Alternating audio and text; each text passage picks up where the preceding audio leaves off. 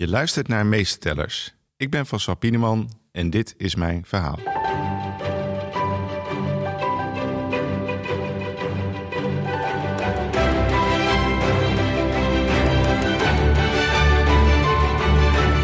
Hartelijk welkom bij Meestertellers, de podcast die helemaal in het teken staat van verhalen en storytelling. Iedere week heb ik de eer om een bijzonder gast het hem van het lijf te vragen en zijn of haar visie te horen over de kracht van een goed verhaal. Maar deze week doen we het even anders dan normaal, uh, want ik word namelijk zelf geïnterviewd door uh, Richard de Wit. Hartelijk welkom. Dankjewel. Uh, ja, Richard de Wit is speechwriter, story consultant en schrijft zelf ook allerlei korte verhalen. En je bent nog een hele hoop andere dingen, ook surfer. Toch? Ook. Ja, maar Richard die gaat ongetwijfeld ook meer over zichzelf vertellen. Maar ik ga dus het woord geven aan Richard dit keer. Hey, dankjewel, François. Ik begin even met een uh, introductie uh, over François. Dat we een beetje een beeld krijgen van de man die uh, aan de andere microfoon zit. François Pieneman werkte na zijn studie marketing en beleid, communicatie en organisatie tien jaar in de zakelijke dienstverlening. Als business-analyst en als fondswerver. En daarna maakte hij een creatieve carrière switch naar de filmwereld. Hij werkte als productieleider en als uitvoerend producent voor diverse productiebedrijven en sinds 15 jaar is hij filmproducent en eigenaar van World Visuals Film. World Visuals produceert tv-documentaires en incidenteel fictiefilms. Als autodidact wist Van zijn producties op slimme manieren te financieren. En inmiddels heeft hij een groot aantal filmmakers geadviseerd om succesvoller te zijn en te worden in hun carrière. Hij geeft gastlezingen, verzorgt workshops en is een coach voor talentontwikkelingsprogramma's. Hij verenigt zijn kennis en ervaring in een nieuw initiatief genaamd Cinepreneur. Ja, we hebben altijd een, ehm, een vaste vraag eh, in jouw format. En dat is uh, welk verhaal, boek, film, voorstelling, heeft een grote rol gespeeld in jouw leven, in je werk? Ja, en die mij ook heeft geïnspireerd. Ja, ik, ik, ik vond het heel grappig, want ik stel die, verhaal, die vraag altijd aan anderen. En toen realiseerde ik me hoe moeilijk die vraag eigenlijk is. Omdat er zoveel dingen zijn die je continu inspireren in het leven. Dus toen dacht ik wel even, ja, dat het toch heel erg te maken van ja, wat, wat ik nu doe eigenlijk. Hè? En ook hoe ben ik eigenlijk gekomen tot het maken van een podcast. Uh, en het feit dat ik filmproducent ben. En ik denk dat daar uh, een, een, nou, twee belangrijke dingen eigenlijk in zijn geweest. En dat is het uh, boek De Wereld van Sophie. en dat boek las ik voor het eerst toen ik op wereldreis was. nou, meer dan twintig jaar geleden. En toen reisde ik in mijn eentje. En ik had dat boek van iemand gekregen die ik had ontmoet. En ja, ik vond het echt een fantastisch boek. Want het... Ligt even toe, het is een boek van Jostijn Gardner, maar ligt even toe wat er in dat boek wordt gedaan. Nou ja, het, het boek gaat eigenlijk. Het zijn eigenlijk twee dingen die, die gebeuren. Dus er wordt eigenlijk een, een uh, de historie van de westerse filosofie geschetst. Uh, en tegelijkertijd is het ook gewoon een roman. Eigenlijk van, van twee meisjes die een, uh, een verhaal vertellen. Uh, en waar je eigenlijk aan de hand daarvan, het gaat, als ik me goed begreep, ook over brieven. En eigenlijk aan de hand daarvan um, leer je dus heel veel over filosofie. Um, en ja, waarom ik dat dan zo inspirerend vond. Ten eerste, ik wist eigenlijk niet zoveel van filosofie, moet ik heel erg bekennen. En dan, uh, dan ben je op reis en dan sta je heel erg open voor allerlei nieuwe dingen die je tegenkomt. En uh, toen las ik dat en daardoor dacht ik wel van, hé, hey, wat uh, het ging eigenlijk heel erg voor mij over dat je op allerlei verschillende manieren tegen het leven aan kan kijken. Um, En er is een waarheid vanuit jouw eigen hoofd, hè, van wat jij ziet en waarneemt. Maar daarnaast zijn natuurlijk een hele hoop andere waarheden nog. Dus ik werd heel erg geprikkeld gewoon om uh, uh, daarover na te denken. Dus ik, nog, ja, nog steeds heb ik nog altijd dat boek in mijn hoofd. Uh, want als ik dan mezelf bevraag of de waarheid, dan moet ik altijd een beetje denken aan dat boek. Dus uh, en daarom vind ik het interessant. Dat ja. boek heeft ook een duwtje gegeven in de richting waar je gegaan bent. Ik denk dat het toch een soort van uh, spark of iets heeft betekend waardoor ik um, misschien inderdaad dat, dat duwtje kreeg om dat, dat te gaan doen. Uh, en dat de combinatie dan misschien nog met een ander ding, dat is namelijk de film. Dat is een film uit 1977.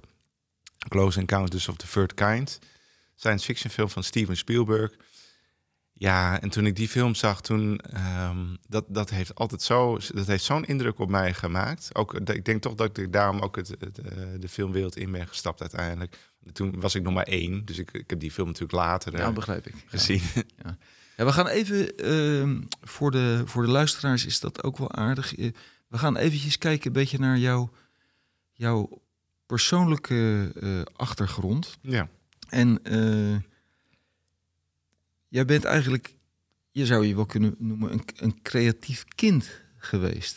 Je was als kind al met verhaaltjes bezig Ja. en dingetjes. Dat klopt, ja. Ik denk dat ik inderdaad altijd al mee bezig was en dat dat uit op verschillende manieren. Ten eerste dat, ehm, nou ja, wat ik bijvoorbeeld met een, een, een vriend van mij deed, die, eh, die kwam af en toe langs en dan gingen wij, eh, hadden wij allerlei dingen in elkaar geknutseld, eh, een soort van filmprops.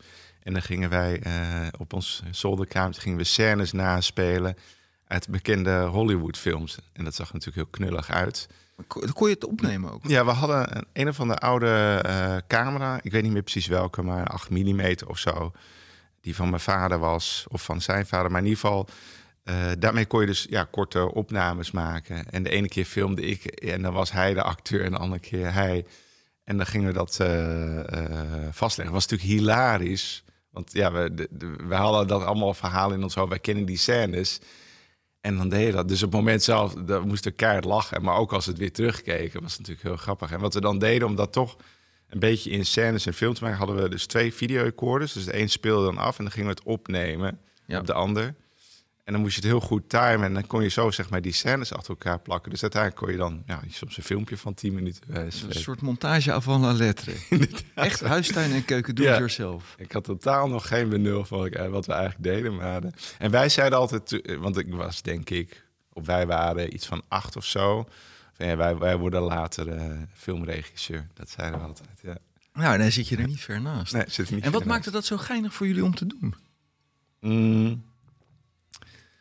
Ja, nou, ten, humor denk ik. Dus het feit, dus het proces zelf is heel erg grappig natuurlijk, omdat je, je kent de werkelijkheid van hoe, hoe gaaf het eruit ziet en natuurlijk hoe knullig het dan uitziet. Het, maar daar ging het niet om. Het was puur het proces van het maken om daarmee bezig te zijn. En eh, eh, ja, ook het tijdverdrijf natuurlijk. Je bent als kind, maar als kind ben je ook heel eh, fantasierijk. Dus je, je, je, je bent daarmee bezig, maar misschien maak je het veel groter in je hoofd, weet je wel. Dan denk je van het ziet er Ja. veel gaver uit.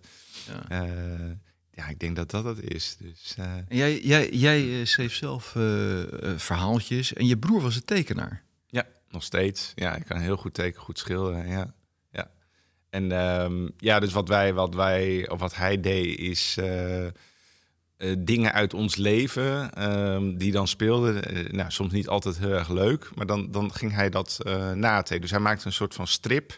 En daar hadden ik en, en hij dan een hoofdrol in. En mijn moeder ook dan vaak. Ja. als eigenlijk overal spelen. En daar gebeurden dus allerlei dingetjes die, ja, klein menselijk leven, wat niet zoveel voorstel. Maar wij snapten de humor die erin zit, want het was ons leven. Eh, maar wij, wij werden een soort van personage, wat, wat heel zwaar werd aangezet, zeg maar. Vond je moeder dat ook leuk? Ja, die moesten ook wel eh, om lachen, ja. Eigenlijk wel, ja. Dus omdat het was niet, het, toen we daarmee begonnen, het was niet een hele leuke periode in ons leven. Want mijn, mijn vader overleed toen ik tien jaar was. Ja. En wij zochten ook een, ja, we- dat hebben we altijd al gedaan, een, een manier om daarmee te kopen, zeg maar. Dus wij En dachten, dit was ja, een van die, man- een van die een manier om daarmee om te kunnen gaan. ja, door gewoon eh, door verhalen eigenlijk eh, in te zetten, maar ook humor, omdat je dan je, je bent dan verhaal, je kan het schrijven, maar je kan het ook eh, tekenen en je kan het ook met humor doen. Ja. Ehm, dus de, de, er zat altijd een kern van waarheid, is met, kern kern van waarheid in. Maar tegelijkertijd was het natuurlijk een beetje eh, ja, heel erg overdone, zeg maar. Dus wij waren altijd een bepaald soort karakter. Dus we hadden altijd dezelfde kleding aan. En Maar wat was dan de karikatuur van jou? Wat, was, wat werd het? Wat overtrok die bij jou? ja, dat is een goede vraag. Eh, eh, wat was dat bij mij? Ja, ik, ik, ik was altijd heel gehoorzaam, zeg maar. Dus ik deed eigenlijk alles wat mij werd gevraagd. En dat, ja, daar kun je om lachen, maar nog steeds denk ik, daar worstel ik wel eens mee. Ik ben veel te aardig soms. dus dan, Had toch aardig gezien? dus ik was dan een deurmat, weet je wel. Die, die dan, ik liet alles toe wat, wat werd gevraagd. ja. Nee, daar kun je wel wat bij voorstellen dan. Nou, maar goed, ik, dus de ironie, er zat juist... Hè, de, de- ons karakter werd heel erg uitvergroot, maar daardoor dus ook wel heel erg grappig. Dus als ik het nog zie, moet ik nog steeds helemaal, lig ik helemaal dubbel. Ja. Dus, ja, Ja. dus dat. Ja, je, hebt- je bent ehm, eh, na je schooltijd. eh, je had wel ook eh, artistieke ambities of creatieve ambities. Klopt, ja. Maar je, je werd niet eh 1, 2, 3 binnengelaten aan de, de poorten van de creatieve Nee. opleidingen. Nee. Eh, klopt. hoe ging dat? Nou ja, kijk, ik, ik, iedereen stelt het van, van sorry, zo creatief. Die, die, daar moet je wat mee. Dus, Mhm. eh, en ik zag dat zelf ook wel, want ik was continu bezig met schrijven. eh, of dingen aan het vormgeven, whatever. Weet je. Ik, ik, ik vond het altijd wel leuk om gewoon met mijn handen bezig zelf iets te doen, iets te maken. Eh, dus ik dacht van, nou, dan ga ik eens kijken wat erbij past. Ja, toen laat ik het aan bij ehm, eh, verschillende opleidingen, Grafische Lyceum. Nou ja, ik weet niet eens meer hoe die opleiding allemaal heette. eh, decorbouw. Maar wat, wat, wat speelde is dat ik was op zich vonden ze wel dat ik creatief was. Hè, dus wat ik instuurde. maar mijn motivatie die, die wankelde eigenlijk een beetje. Oh ja. Dus ik was niet zo goed in mezelf pitchen. En ik twijfelde ook wel heel erg nog aan mezelf van wil ik dit nu wel echt? Dat, die vraag werd ook, ook dag gesteld.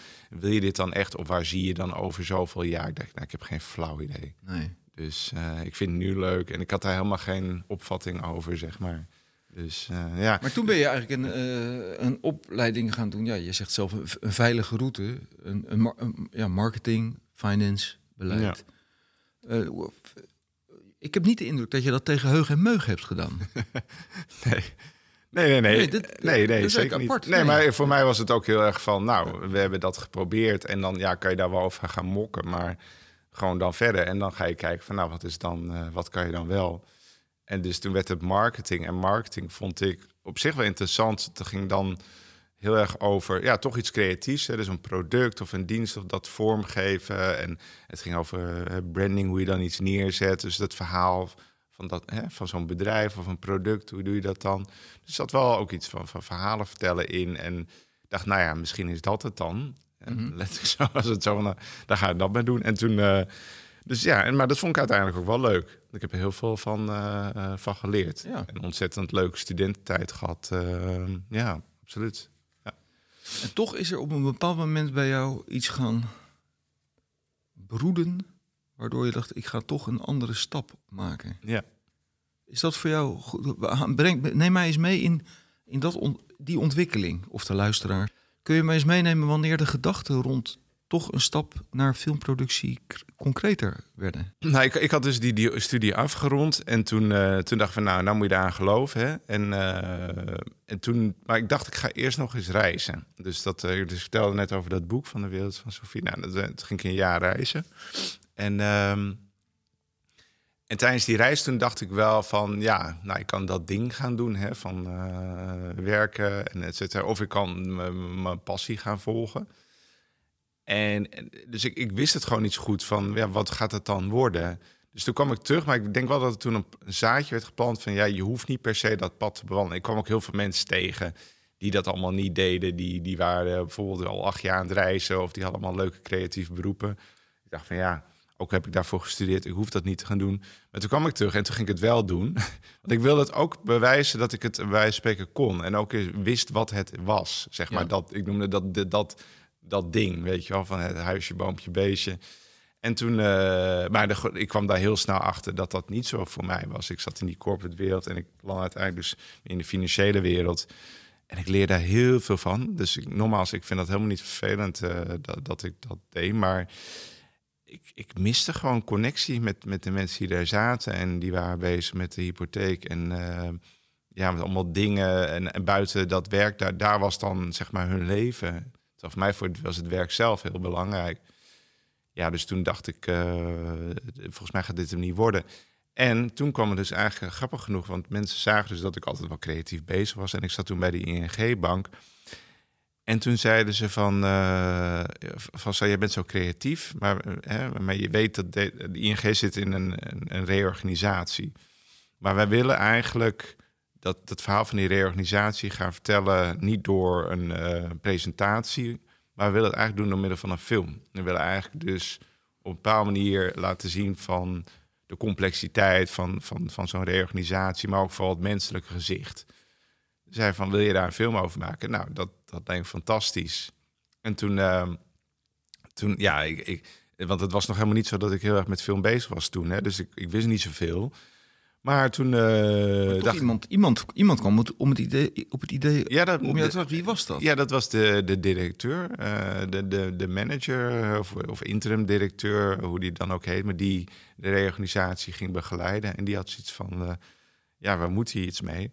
En dus, ja, dus dat was dan toch opgevallen op de een of andere manier dat ik dat deed. En um, dus toen moest ik daar iets voor gaan verzinnen. En toen um, heb ik letterlijk was een collega, ik wist dat die een beetje kon filmen en die had een camera. Nou, dus dat had ik die maar gevraagd als cameraman. En ik wist dat iemand anders die kon wel een beetje schrijven. Dus die een collega die had mij geholpen met schrijven. Uh, dus ik zat met een heel amateurteam eigenlijk. Maar we hadden wel op zich een goed concept. Van nou, laten we inderdaad die mensen die in die reorganisatie zitten hun verhaal doen en hoe ze dit ervaren. En, uh, en, en kijken hoe kijken ze dan naar de toekomst. En dat hebben we gedaan. En die film die was uiteindelijk, ja, ik vond, als ik het terugzie, is het verschrikkelijk. Maar en de, qua vormgeving, maar inhoud was goed. Dus de mensen waren echt geëmotioneerd, vertelden mooie verhalen over hun leven en waarom de ING-bank ook zo belangrijk voor hen was. Dus het was ook helemaal niet een, een uh, dat. Uh, het was gewoon het echte verhaal. Dus je, daardoor was hij gewoon volgens mij wel goed. Ja, en dat, dat heeft wel toen uh, bij me echt zoiets van, ja, maar volgens mij kan ik dit of zo. Moet ik hier echt meer mee gaan doen? En dat zeiden die mensen ook van, waarom ga je, word je niet film maken? Dus letterlijk daar bij de ING-bank. Ja. ja. Bijzonder eigenlijk. Ja, ja. En toen? Ja, toen, uh, nou dan, dan is dat heel leuk. En dan denk je van, wat nu? En toen heb ik, uh, ik wel zoiets, ja, ik moet meer weten over het filmvak. Toen heb ik een, een, een cursus gedaan bij Open Studio. Dat kon je parttime naast je werk doen. En toen dacht ik wel van, ja, dit is wel heel, heel gaaf. En op een gegeven moment heb ik gewoon echt besloten van uh, ik, ik, ik ga het gewoon doen. Ik heb me ingeschreven bij de KVK. Nou, dat is nu bijna 15 jaar geleden. Ja. En uh, we zien het wel. Zo was het echt van. Uh, Enorme sprong eigenlijk. Ja. En toen heb ik inderdaad nog, moet wel bekennen, eerst nog even een baantje gehad daarnaast. heb ik parttime gehouden in de zorg. Want ik durfde niet in één keer helemaal mijn scheep te verbranden. Maar ik heb wel op een gegeven moment gezegd van ja, nu gaat het zo goed. Nu, uh, nu stop ik met mijn met andere werk. Ja. Dus, uh, Schitterend. Ja. En wat was uh, na je inschrijving in de KVK je eerste betaalde opdracht? Jemig. Ik denk dat dat een... Um, was nog wel in Natura. Dat was voor kennen. Wat zeg je nu? Ja, nou ja. ja, ik werd betaald in de vorm van een camera. Dus ik, voor Canon uh, kreeg ik een klus. Een vriendin van mij werkte daar. En die zei, we kunnen niet betalen, maar... Uh, nou, we kunnen wel in natuur. Ik zeg, nou, doe dan maar een camera. Want die heb ik nodig, weet je ja. Ik heb geen apparatuur, ik heb niks. Dus. En toen uh, ja, mocht ik een, een kort filmpje maken... voor een of ander project of zo ja, zelf gefilmd, ook maar een beetje gemonteerd op de Bonnefoy. En uh, nou, ze waren er blij mee. Dus toen is dat uh, is dat hem geworden. En toen had ik een camera. Nou, toen kom ik verder. Kom je verder? Ja, je hebt, het is heel erg ja. mooi, want ook in deze podcast, je hebt een, een hele uh, grote hands-on mentaliteit. Je zegt het zelf zo lekker niet. Dan ben ik maar een beetje gaan filmen. Ik had een camera nodig en ik, ben, ik wist niet zoveel van filmen. Ik ben maar aan de slag gaan, maar met de podcast. Maar dan zitten we hier toch met uh, rode standaard, Shure microfoons, goede koptelefoons en een mixertje. Waar komt dat, waar komt dat vandaan? Dat je eigenlijk ja, dat je denkt, we gaan er, we gaan er maar mee aan de slag. Mm -hmm. Je bent daar, je bent daarin eigenlijk uh, heel erg zeker. Of tamelijk vrij. Mm -hmm. ja. Dat je ook eigenlijk zonder dat je denkt, laat maar eens proberen. Ja, dat is denk ik. Er zijn volgens mij twee typen mensen, heb ik altijd het idee. Dus je hebt de mensen die dat dan heel erg over gaan nadenken en, en dan perfect willen hebben. En dan eigenlijk heel vaak uitstellen, zeg maar. Dus dan hebben ze wel een idee, maar dan wachten ze mee. En ik ben inderdaad iemand die die doet, I learn on the job. Dus ik accepteer ook dat het niet perfect is en dat ik fouten maak. Uh, maar dat doe ik ook omdat ik gewoon stappen wil maken. Ja. Uh, enerzijds denk ik ook te maken omdat ik in het, toen ik begon met het filmvak was ik wel al 30. Nou, al, maar goed. Ik, oude man. Oude vent. Nee, maar goed, om een carrière switch te maken, dan voor sommigen is het misschien al een beetje dat ze denken, oeh, hè, dat is iets nieuws te gaan doen. Ja ik dacht, ja, je komt er alleen maar door, door te doen. Je kan nou allemaal opleiding gaan doen nog of uh, daar heel moeilijk over gaan doen. Maar gewoon, gewoon gaan doen en dan, wel, en dan maar zien wat, uh, wat er gebeurt. Dus, ja, dan, maar dan weet ik ook van, is het niet perfect en dan maak je fouten. Dus uh, net als deze podcast, ja. ja. je begint iets nieuws en dan kom je er eigenlijk achter van, oh ja, dit werkt niet helemaal niet of dit is nu niet goed. Ja, dat, en dat vind ik dan zelf eh, eh, ja, accepteer ik dan maar, weet je wel. En dat vind ik altijd wel leuk, want als je dat dus doet, dat mensen die zijn. eh, het is helemaal niet zo dat mensen dan zeggen. Oh, dat is slecht of wat dan ook. Maar mensen vinden het vaak stoer en die geven je vaak hele waardevolle tips. Dus je krijgt heel veel eh, positieve feedback. Eh, Kun je eens een voorbeeld noemen daarvan? Dat je zegt, toen ben ik, heb ik het gemaakt en daarna kreeg ik eigenlijk commentaar wat heel Ja, constructief ook met deze podcast. Ja, zeker. Eh, jij noemde toen straks zoiets van eh, nou, storytelling. Hè? Dus je maakt een, een podcast over verhalen. Dus je wil eigenlijk ook dat de, eh, in die podcast dat er ook verhalen naar voren komen. Dus in het begin was ik heel erg van nou ja, interview en dan maar wat vragen en antwoorden. Maar je wil eigenlijk dat door verhalen, door anekdotes komt dan eh, zo- zo- zo'n podcast meer tot leven. En het past natuurlijk heel erg bij het concept. Dus die tip krijg ik dan eh, terug van best wel wat mensen. En ik denk, ja, dat ben ik helemaal eens. Nou, dan gaan we kijken hoe we daar invulling aan kunnen geven. Of het lukt dus een tweede. Maar Ja, dat gaan we nu doen. Dat Ja, gaan, dat gaan we nu doen, oké. We- We gaan naar... eh, je noemde het net al heel kort in een bijzin, maar jij was 10, 11. Jouw vader overleed toen jij jong was. Ja. Eh, vijf jaar geleden is jouw moeder overleden. Ja, bijna vijf. Ja, En, vijf ja. eh, eh, ja, toen heb je met je broer natuurlijk, toen moesten jullie de boel gaan opruimen. Mhm, ja. En toen, wat gebeurde daar? Nou, ten eerste is het natuurlijk een heel emotioneel eh, ding. Want je, ik, het is het huis, het ouderlijk huis, waar ik dus altijd heb gewoond. Dus ik kende ja, geen ander huis. Dus je, hebt daar, je bent daar heel erg aan eh, verbonden. En Wat, dan, voor, wat voor huis was het? Welke, hoe, welke tijd? Nou ja, het is niet een heel bijzonder. Het is een huis in Hoofddorp en eh, een, een rijtjeshuis. En Welk maar- bouwjaar ongeveer? Eh, pff, ja, 1960 of zo. Ja. Dus het, het was niet een heel inspirerend, prachtig huis of een prachtige wijk. Maar voor als je als kind, omdat je daar bent opgegroeid, je hebt je vriendjes, et cetera, is dat jouw leven. Dus dat per definitie is dat bijzonder.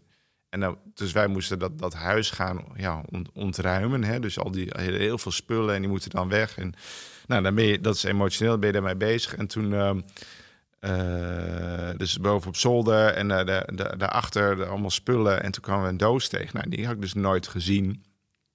Dus mijn broer en ik eh, keken daarin. En er zaten dus allemaal brieven in, om papier.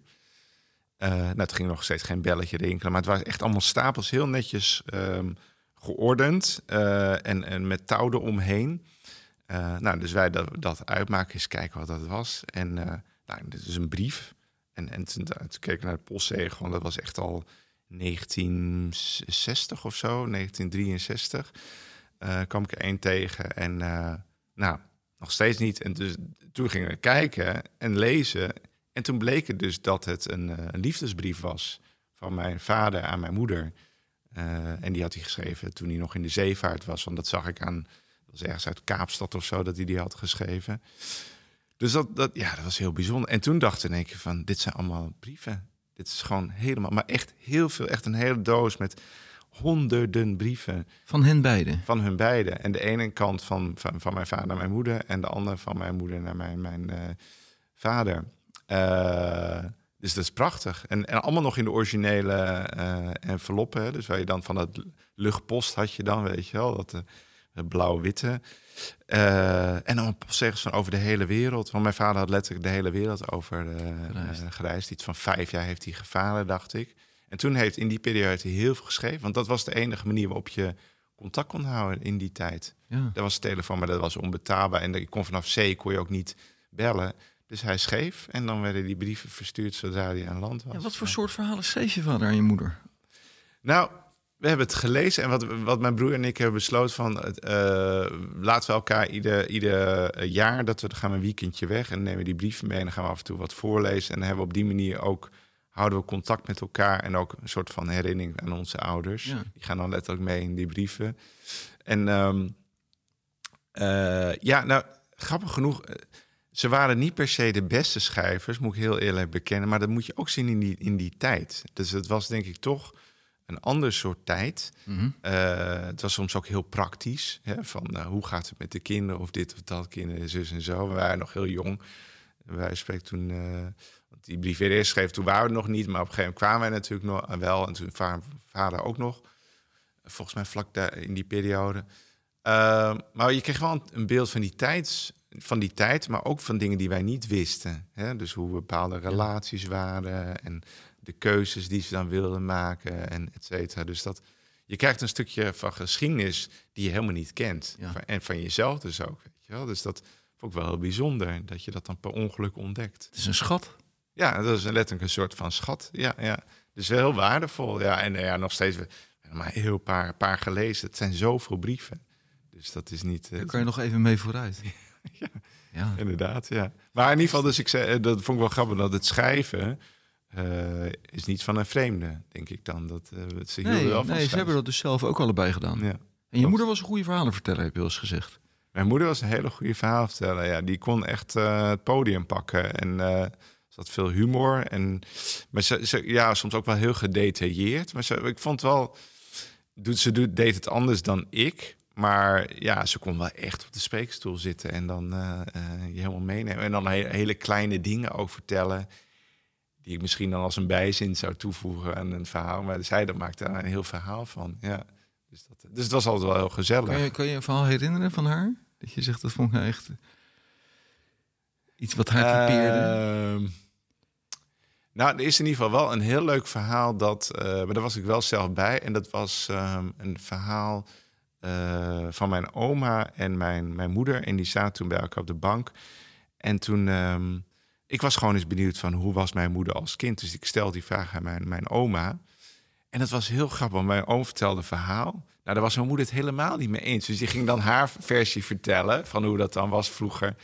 Dus volgens mijn oma had mijn moeder best wel veel poppen en speelgoed enzovoort. En dat is eigenlijk best wel goed. Nou, mijn moeder die zei, ik had maar één pop, weet je wel. En dat was heel grappig gesprek uh, geworden. En ik heb dat ook op een gegeven moment dacht van, ik pak mijn camera. Dus ik heb er, uh, dat ook opgenomen. Heb je het opgenomen? Ja, dat heb ik nog steeds. Ja, en dat is hilarisch eigenlijk tussen die twee. En heel veel dingen die ik dus ook niet wist. Maar, maar ja, dus mijn, mijn oma kon dus ook heel goed praten. Hè? Dus die bleef ook maar doorpraten, ook als iedereen naar bed ging. Dat was heel grappig. Maar dus het zit er dus in de familie. Maar in ieder geval, uh, ja, dat is heel grappig. Ja, dat je dan zo'n twee hele andere werelden naast elkaar Een hele andere beleving eigenlijk. Ja. ja. ja je noemde uh, eerder al uh, het, het, het, aspect van humor in verhalen vertellen. En um, die, toen jij begon met de productie van films, toen was dat wat breder dan de producties die je eigenlijk nu doet. De signatuur was er nog niet direct. Nee. Hoe uh, was het gewoon zo, de schoorsteen moet roken, ik pak op wat eraan komt? Zeker, ja. Absoluut. Nee, kijk, uh, nogmaals, als je zegt van uh, training on the job, weet je, je doet het, dan, dan ben je ook niet bezig met een signatuur. Dan ben je, wil je gewoon met maken. Werk. Ja, gewoon met wat werk. Voor, wat voor soorten klussen waren dat die je toen ging doen? Die binnen, of die je zocht? um, Ja, er kwam gewoon het een en ander op mij af. Het was niet eens zozeer dat ik zocht. Mensen wisten gewoon van, uh, ik ben ermee bezig en vonden dat zo gaaf. Dus ik kreeg in eerste instantie best wel wat werk uit mijn, uh, mijn oude achterban. Dus ja, dus mijn, de financiële wereld, dus de mensen die daarin werkten, et cetera. Um, en uh, nou, via, via Ron, Ron Visser zit in bestuur en die had ook wel een groot netwerk. Dus, en, uh, dus die, die tipte mij ook gewoon van verschillende klussen. Dus ik kreeg heel veel verschillende dingen binnen. Echt van, van, van online commercials tot gewoon weer een bedrijfsfilm. Tot zoiets als wat je net hoorde over die ING-bank. Zo'n ja, film over een veranderingsproces binnen een organisatie. En ik had zoiets, ja, kom op. Weet je, ik, ik, wil, was ook benieuwd naar de, de verschillende genres eigenlijk die er, die er waren. En uh, daar leerde ik allemaal van. Um, je maakt hele uiteenlopende producties, commercials, uh, bedrijfsfilms, werk voor de financiële sector. Maar wanneer ging je voor het eerst met acteurs werken? Ja, dus we, wij gingen voor het eerst werken met acteurs toen we een opdracht kregen van het ministerie van Binnenlandse Zaken. En die opdracht die, uh, die, die, dat ging over een project met contact met de overheid. En uh, eigenlijk hoe om te gaan met burgers die, die lastig zijn of, of klagen. Uh, en het idee was dat je eigenlijk op een hele, als je op een informele manier kan je veel makkelijker uh, uh, contact maken. en toen, maar we moesten de situatie uit de werkelijkheid ja, moesten worden getoond en worden nagespeeld. En daarvoor hebben we dus acteurs benaderd om dat te spelen. En ik had er al heel snel door, ja, dan moet je niet met hele slechte acteurs komen, want dan, dan is het niet geloofwaardig. Dus toen, uh, ja, het konden we leuke acteurs gaan casten. En, en dat was echt ontzettend leuk. Heel anders natuurlijk, want dan heb je het over fictie. Dus, uh, Dit is eigenlijk gestileerde werkelijkheid? Gestileerde werkelijkheid, ja, klopt. Ja, um... ja en, en, en misschien een mooi brugje. Uiteindelijk hebben wij elkaar ook zo leren kennen natuurlijk. Ja. Want wij hebben ja. een uh, opdracht toen nog samen gedaan. Ja. Dus, wij maakten een een film. Ik heb eigenlijk daarvoor nooit zoiets gemaakt en daarna eigenlijk ook niet. Dit was een, uh, een korte film over de samenwerkende toezichthouders. Maar de film werd vertoond voor een groot publiek. En dan werd die stopgezet en dan werd aan de uh, toeschouwer gevraagd: Wat denkt u dat er gaat gebeuren? Ja. Denkt u dat de officier van justitie de Belastingdienst zal informeren of niet? Of denkt u dat de sociaal regisseurs dit zullen omhoog spelen richting de burgemeester of niet. Ja, en was het, uh, we hebben hem uiteindelijk, meen ik, ook als onderwijsmateriaal ja. verder ontwikkeld. Ja, staat maar nog bij. Ja. ja. Ontzettend leuk. Ja, heel bijzonder. en wat, wat ook, ja, deed, deed zeker iets in de zaal. En ook eigenlijk bijzonder dat je iets kan maken wat er niet is. Dat je eigenlijk een nieuwe vorm ja. maakt. Dat initiële publiek was denk ik 300 man. En daarna is het voor die verschillende diensten beschikbaar gesteld. En wat voor mij eigenlijk een enorme eye-opener was, want ik was gewend om het met woorden te vertellen. En um, de regisseur die je toen betrokken had, uh, Niels Bourgogne, die zei: uh, schrijf jij het eerst maar uit. En daarna uh, pas ik het scenario aan. En toen ik het terugkreeg van hem, zag ik dat het stukken beter was, omdat er veel minder gezegd werd. Mm -hmm. Er werd veel meer getoond. Toen zei hij, ja, dat is film. Ja. Inderdaad, verhaal in beelden. Ja, precies. Ja. ja. En bij jou heeft dat natuurlijk ook nog. Ik denk dat je. Ja, maar jij was. Want ik had jou ook natuurlijk ingeleid. Misschien ook wel. Leer ja, mensen ja. ook een beetje Ja. kennen. Want je, je bent speechwriter en, en je bent ook met story bezig. Ja, ja mijn, eh, mijn eh, achtergrond eh, zit ook niet in de, zit in de organisatiekundige hoek. Ja. Maar ik ben eigenlijk, omdat ik zelf als tekstschrijver, als freelance tekstschrijver werkzaam was, gevraagd om ooit bij een ministerie een speechbureau op te zetten. Dat heb ik ook gedaan met een, eh, een man die eh, hele lange ervaring had in de, in de taalkunde. Mhm. En het opzetten van het bureau was heel leuk. Maar je leert dan eigenlijk ook eh, wat belangrijk is in het vertellen van verhalen en in het houden van toespraken. Mensen zijn eigenlijk heel sterk verbonden met verhalen vertellen. Wij zijn, we are hardwired for stories. Dat zit eigenlijk in onze ontwikkeling. En er is in ehm, de jaren 40 een eh, befaamd experiment gedaan. Waarbij er ehm, op een beeldscherm een filmpje werd, er werd een filmpje vertoond. Het was geen beeldscherm, het was een filmpje. Waarbij je geometrische vormen zag gaan. Een eh, rechthoekige vorm die aan ene kant open was. Twee driehoeken die bewogen. En een bol. Mhm. Dat ging over dat scherm en er werd aan eh, de kijkers gevraagd: wat ziet u hier? Van al die kijkers, tientallen kijkers, was er één kijker die beschreef wat hij gezien had, namelijk geometrisch verschuivende patronen op een scherm. Alle andere kijkers zagen twee mannen die vochten om een vrouw. Eh, de bol, dat was iemand die heel erg vervelend was. Eh, landen die met elkaar verkeerden, veranderingen in het weer. De verhalen waren er helemaal niet, maar die werden eigenlijk met een kleine trigger ontsproten die aan de breinen van de toeschouwers. Dat was eigenlijk om aan te tonen hoe wij geneigd zijn om patronen te herkennen die er helemaal niet zijn, en ook om verhalen Mhm. te verbinden die er helemaal niet zijn. Hoe wij met minimale informatie al tot een verhaal kunnen komen. Een lange brug, maar de vraag aan jou is: wat maakt voor jou het vertellen van een verhaal de moeite waard? Hele moeilijke vraag. Eh, want in principe vind ik namelijk ieder verhaal de moeite waard om te vertellen. Ehm, als daar een, een, een, wel een reden toe voor is, moet ik zeggen. Eh, maar wat maakt het dan de moeite waard? Nou, kijk, als ik een verhaal hoor, dan wil ik altijd wel op een bepaalde manier getriggerd of geraakt worden. Er moet wel iets voor mij eh, inzetten. Dus je, het verschil tussen verhaal en informatie is dat informatie is gewoon letterlijk een mededeling van, nou, het is, eh, het slecht weer of het regent. Wat vervelend, weet je wel. Ja, er zit geen emotie bij, of dat is meer een, een gegeven, iets wat je ziet. En we delen heel veel informatie, ook op ons werk natuurlijk.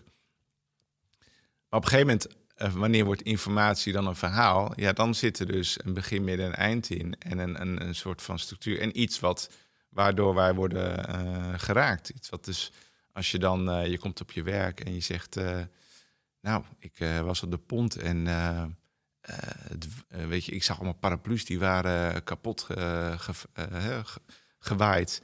En ik, ik, ik, zag een vrouw die, die viel bijna van haar fiets af. En toen kwam ik van de, de, eh, de pont, ik wilde van de pont afstappen. Nou, ik werd bijna weggeblazen. Ik dacht echt bijna van, nou, ik, ik hou dit niet. Ja, en het regende. Weet je wel, dus...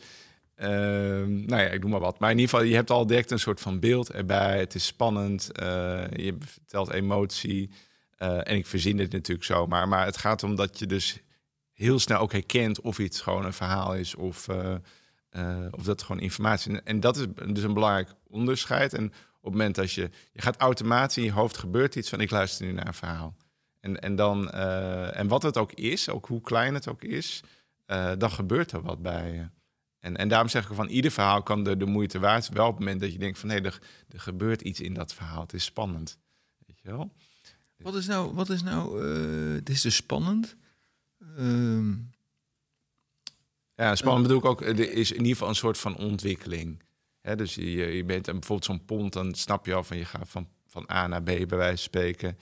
En je hebt al een soort van situatie geschet. En je, volgens is een ontwikkeling, namelijk, ik word bijna van mijn fiets afgewaaid, ik noem maar wat. Maar dan, er gebeurt al heel veel eigenlijk. Dus een verhaal heeft een held.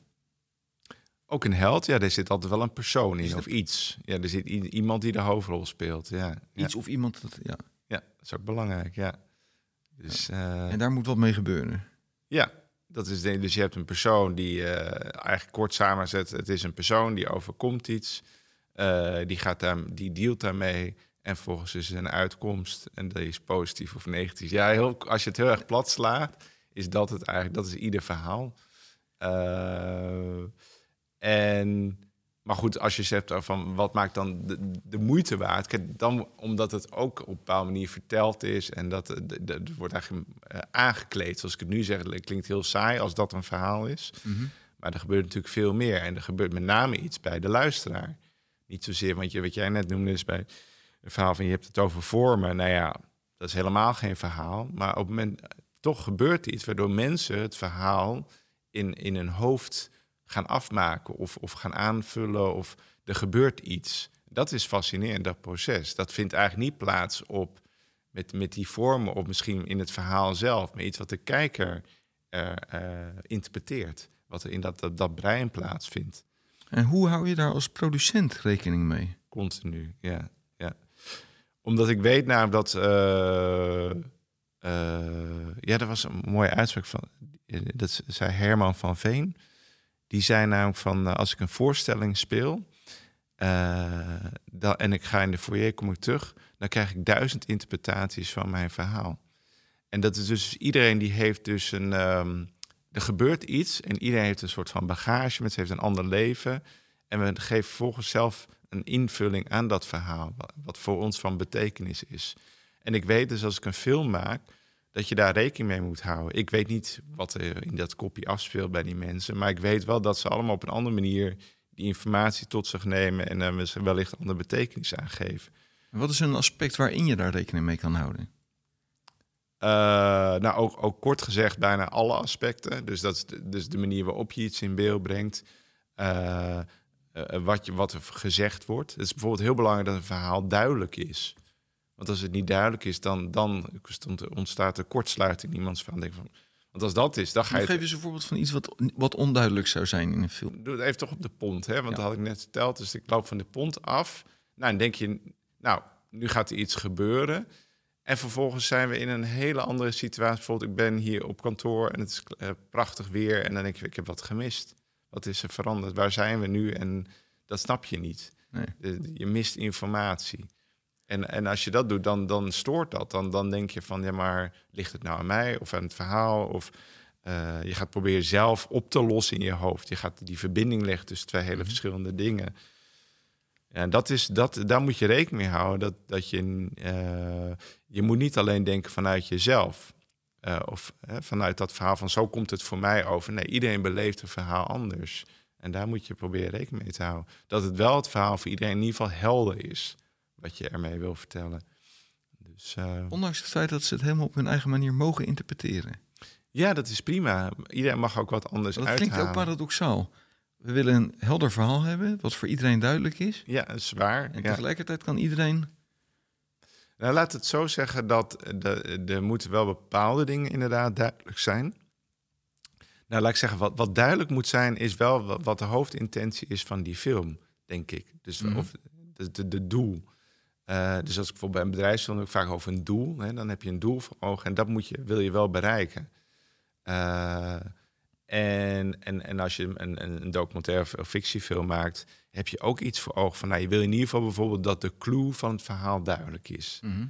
Of dat je vindt dat het hoofdpersonage uiteindelijk toch een, poos, of een, een, leuke vent is, ik noem maar wat. Er zijn bepaalde dingen die, die staan niet letterlijk in dat script, maar die heb je wel als regisseur, als scenarist bedoeld dat dat zo uh, overkomt. Want dat is best wel een flinke domper als jij hoopt van, nou, ik noem maar wat, ik, maak een, een bedrijfsfilm en ik ben daar helemaal lyrisch enthousiast over en ik ga dat presenteren bij een klant en die zegt, nee, ik, ga, ik kan hier niks mee. Dit, ja, ik word hier onpasselijk van. Dat is echt.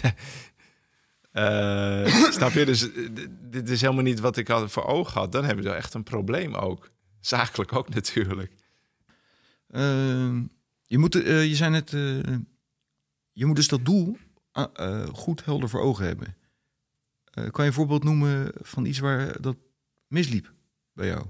Ik maakte laatst een, een, een, bedrijfsfilm en daar was, dat een, was een interview en wat inzetbeelden. En inzetbeelden zijn de shots die je gebruikt eigenlijk uh, ja, om het beeld te verlevendigen. Dus je ziet bijvoorbeeld iemand wandelen en dat, met tegelijkertijd gebruik je die shots ook om te kunnen knippen in een interview.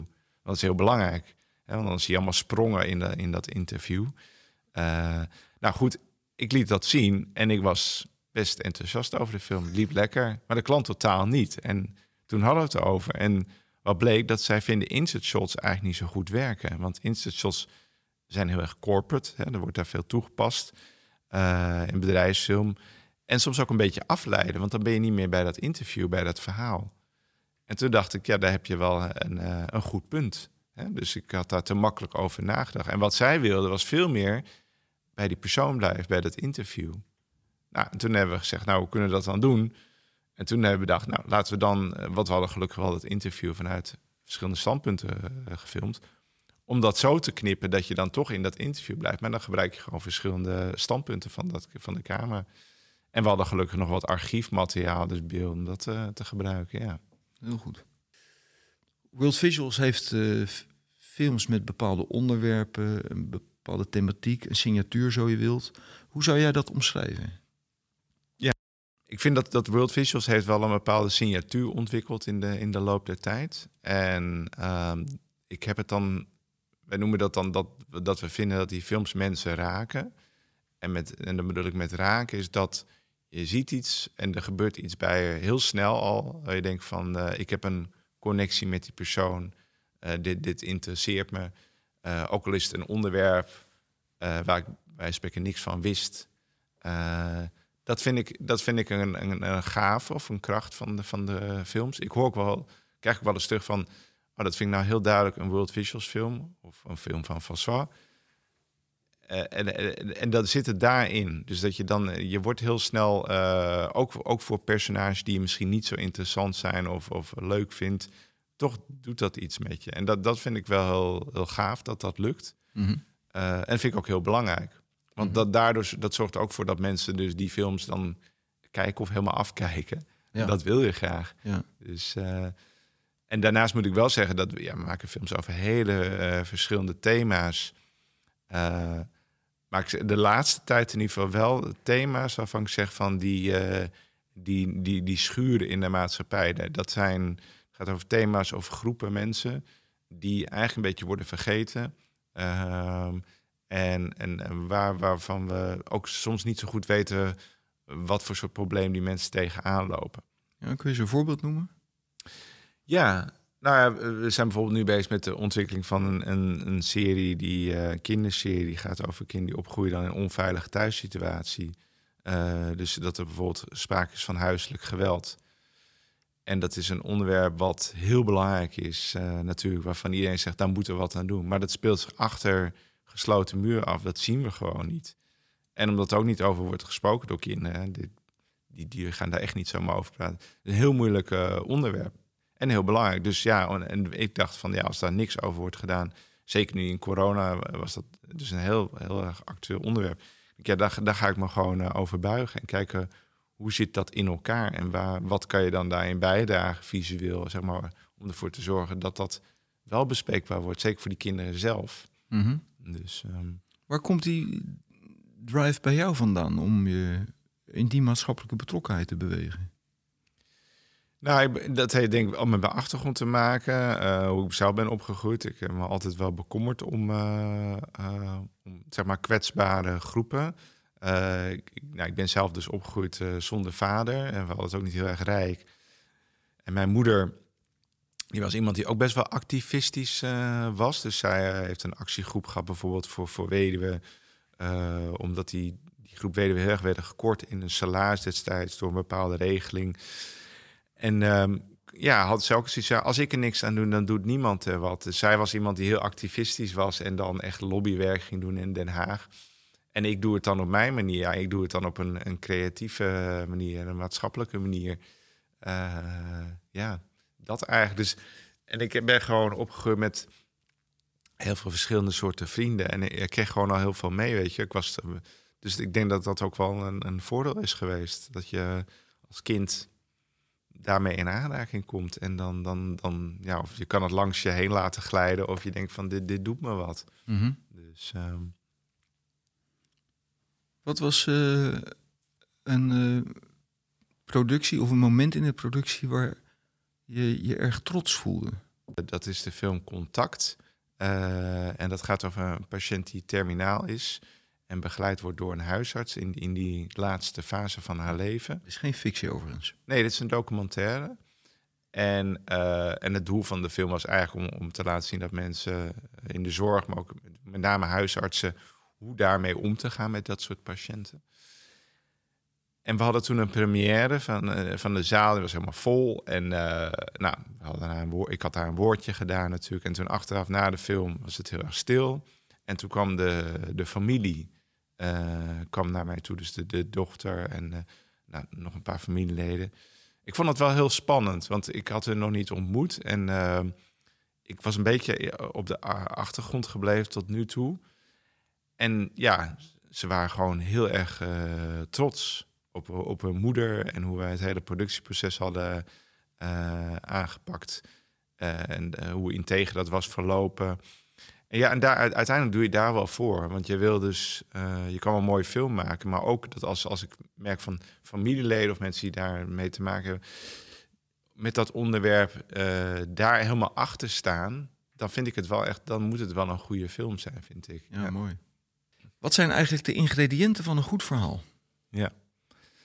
Nou, kijk, op de eerste plaats, als je het hebt over een, een verhaal, of in mijn geval natuurlijk maak ik uh, films is, uh, ik, ik, zeg heel vaak van films uh, zijn zoals het echte leven, minus de saaie momenten. Dus we willen eigenlijk als we een, uh, een film, hè, maar kan ook een boek, maar we willen maximaal herkenning eigenlijk hebben met nou, ons eigen leven. En ook al is het een hele andere wereld, dan willen we toch nog een soort van herkenning hebben wat, waarvan ik dat raakt mij, want dat herken ik. En ik denk dat dat belangrijk is, dat mensen zich kunnen uh, herkennen in zo'n verhaal. Uh, en ook wel snel. Dus je moet snel een connectie krijgen met, met, dat, met dat publiek. Mm -hmm. En wat je dus ook ziet, is dat je films hebt waar bijvoorbeeld een, een, een personage in zit, wat eigenlijk helemaal niet zo likable is. Die bijvoorbeeld een. Uh, denk van, nou, waarom is die nou een hoofdpersoon? Maar dat komt omdat we kunnen ons soms zelfs beter uh, identificeren met zo'n zo'n pers personage, omdat we zelf ook niet perfect zijn. We maken allemaal fouten, we, doen, we rommelen maar wat aan. En um, ja, dat, dat vinden we eigenlijk dus boeiender om naar te kijken. We willen niet een perfecte iemand. We willen, en uh, en dat, uh, dat spreekt mij heel erg aan. Dat je dus altijd heel erg denkt vanuit een persoon, het hoofdkarakter. En dat, moet dus, dat is eigenlijk het allerbelangrijkste, je, je hoofdpersoon. Wie is dat? En, en waarom zou ik mij kunnen identificeren met jou? Dus het is niet zozeer likable als wel compelling. Compelling is het goede woord, ja. ja. Hoe zouden we dat vertalen in het Nederlands? Ja, ik zeg... Over- overtuigend? Ja, compelling, ja, hoe vertaal je dat? Herkenbaar, ehm, ja. Een, een van ons, ja, misschien een van ons, zoiets. Maar als ik bijvoorbeeld kijk dan in, in mijn films, is dat eh, of het nou kinderen zijn of een gedetineerde of ik noem wat een jonge homo van 13 jaar. Dat maakt dus niet uit. Ook, ook, ook volwassenen kunnen ze nog steeds bijvoorbeeld herkennen in die jongen. Mhm. En dat komt omdat daar er goed is over nagedacht eh, wie gaat deze rol spelen. Natuurlijk heb je de acteur, maar ook hoe je het schrijft. Van eh, wie is dat dan en waar, waar worstelt hij dan mee? En dat, Op welke manier heeft dat te maken met ons eigen leven in het algemeen en met jouw eigen leven in het bijzonder? Nou, toen net zei ik van, als mensen, eh, we worden hier neergezet en we worstelen eigenlijk in het leven. We, ik zeg maar, we doen maar wat, maar natuurlijk denken we erover na. Maar er gebeuren dingen ook waar we geen invloed op hebben.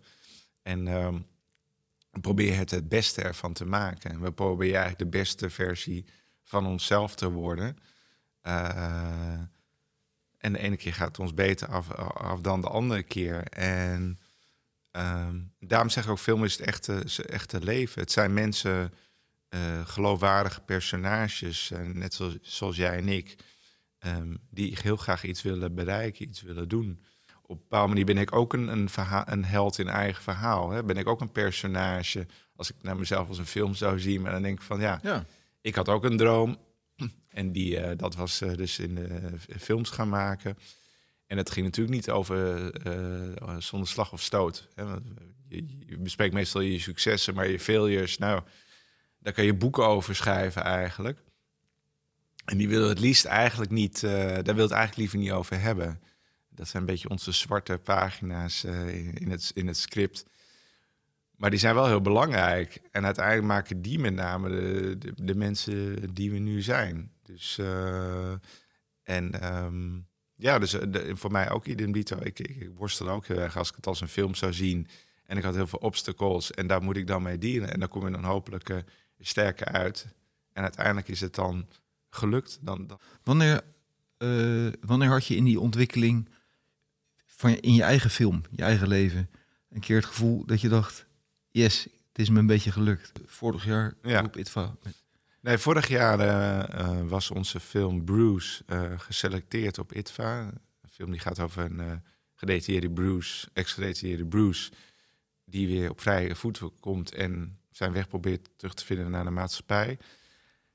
En ja, voor mij was het altijd een stip op de horizon dat een film op ITVA zou komen. Dat leek voor mij zo niet bereikbaar. Ik begon dit filmvak, ja, zeg ik als autodidact. En dan, toen was ik een keer op ITVA. En toen dacht ik, ja, als ik hier ooit zou kunnen staan... Hè, tussen eh, deze prachtige films... waarvan maar heel weinig Nederlandse films draaien... ja, toen dacht ik, ga ik daarvoor. Nou, dat is gelukt. Dus dat is natuurlijk kicken. Ja.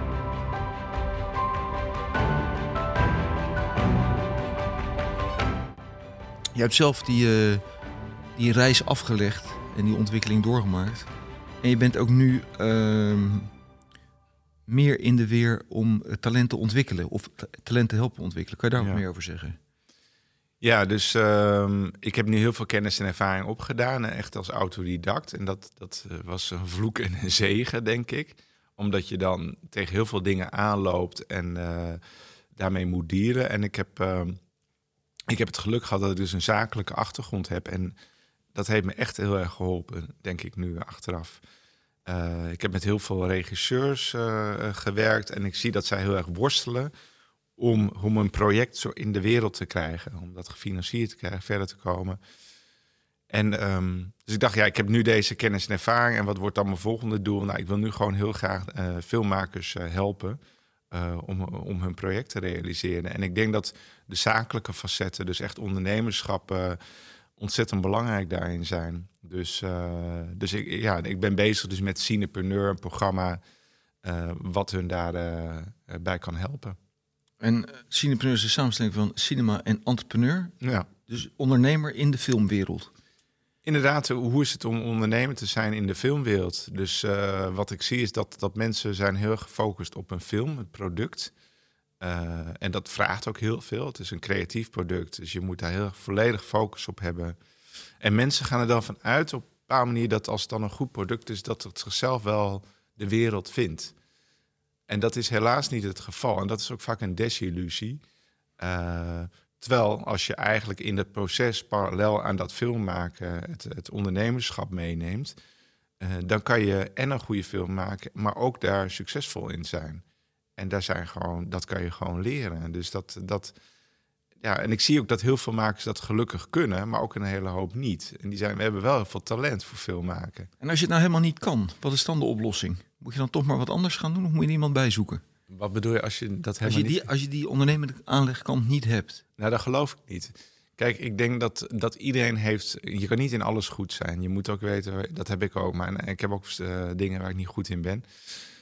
Maar uh, je kan wel meer ondernemend worden. Je als je kiest voor ik word zelfstandige uh, en ik word filmmaker, ben je dus meestal zelfstandig. Dan ben je automatisch ook ondernemer. Uh, dus je hebt eigenlijk niet zoveel keus, jammer genoeg. Dus als je het niet kan, dan zou ik zeggen, nou, leer in ieder geval bepaalde basisvaardigheden. En, en, en waar je dan niet goed in bent, probeer dan mensen te vinden die je daarin kunnen aanvullen. Uh, maar dan moet je ook weten überhaupt. Ik zeg altijd, je bent, de meeste mensen zijn onbewust onbekwaam nog. Uh, dat doen ze niet met opzet. Hè, met onbewust onbekwaam is dat je eigenlijk niet, niet weet wat je, wat je mist, wat je mm. nodig eigenlijk hebt om, om, om beter films te maken. Of sorry, om eigenlijk succesvoller te zijn in de filmindustrie. Dus dat moet je überhaupt weten. En dan kan je vervolgens weten, nou oké, okay, daar ga ik wat mee doen of niet. Of ik huur daar mensen voor in. Dus dat. Heel goed. Als mensen meer willen weten of zien van uh, waar jij mee bezig bent, ja. waar moeten ze dan kijken? Nou ja, uh, als je gaat googlen in ieder geval World Visuals, kom je heel veel tegen. Uh, maar we hebben natuurlijk een, een website, worldvisualsfilm.nl en worldvisuals.nl. Twee websites. Dan tweede is meer voor de, de zakelijke kant, de zakelijke producties die we doen. Ehm, ja, ik zou, ik zou daar eens beginnen. En ja, filmfestivals zijn, ja, hopelijk komen die er weer. Die zijn er wel, maar bioscopen waren natuurlijk dicht. Dus alles was online, maar uh, ja. Dan gaan we naar een uh, afronding toe. En uh, dan mag jij de luisteraars bedanken. Ik mag afronden. Nou, op de, ik wil je ook nog even bedanken, Richard, dat je dit wilde doen. Ik vond het erg leuk om zelf een keer in de interviewstoel te zitten. Dus dankjewel. Graag gedaan. Dit was hem dan weer voor deze week en dit is tevens de laatste aflevering van het tweede seizoen van Meestervertellers. Ontzettend bedankt uh, voor het luisteren afgelopen periode. En uh, ja, ik heb ontzettend veel leuke reacties gekregen, dus dat uh, stimuleert zeker om door te gaan. Dus we komen zeker terug voor met een derde seizoen. dat zal zijn in het voorjaar van 2022. Ik ga eerst genieten van een uh, mooie reis naar Zuid-Afrika, dus ik ben er even een tijdje tussenuit. Tot die tijd uh, mocht je zeggen, ik wil deze podcast heel graag steunen. Nou, dat kan. Ga dan naar petje.af, schuine meestervertellers en daar vind je meer informatie hoe je dat kan doen. Nou, dat was hem dan. En wil je meer weten over meestervertellers? Check dan meestervertellers.nl en je kan ons ook volgen via Facebook of Instagram of tag een aflevering via het Meestervertellers. Kortom, we zijn binnenkort weer terug en uh, dus hopelijk tot snel.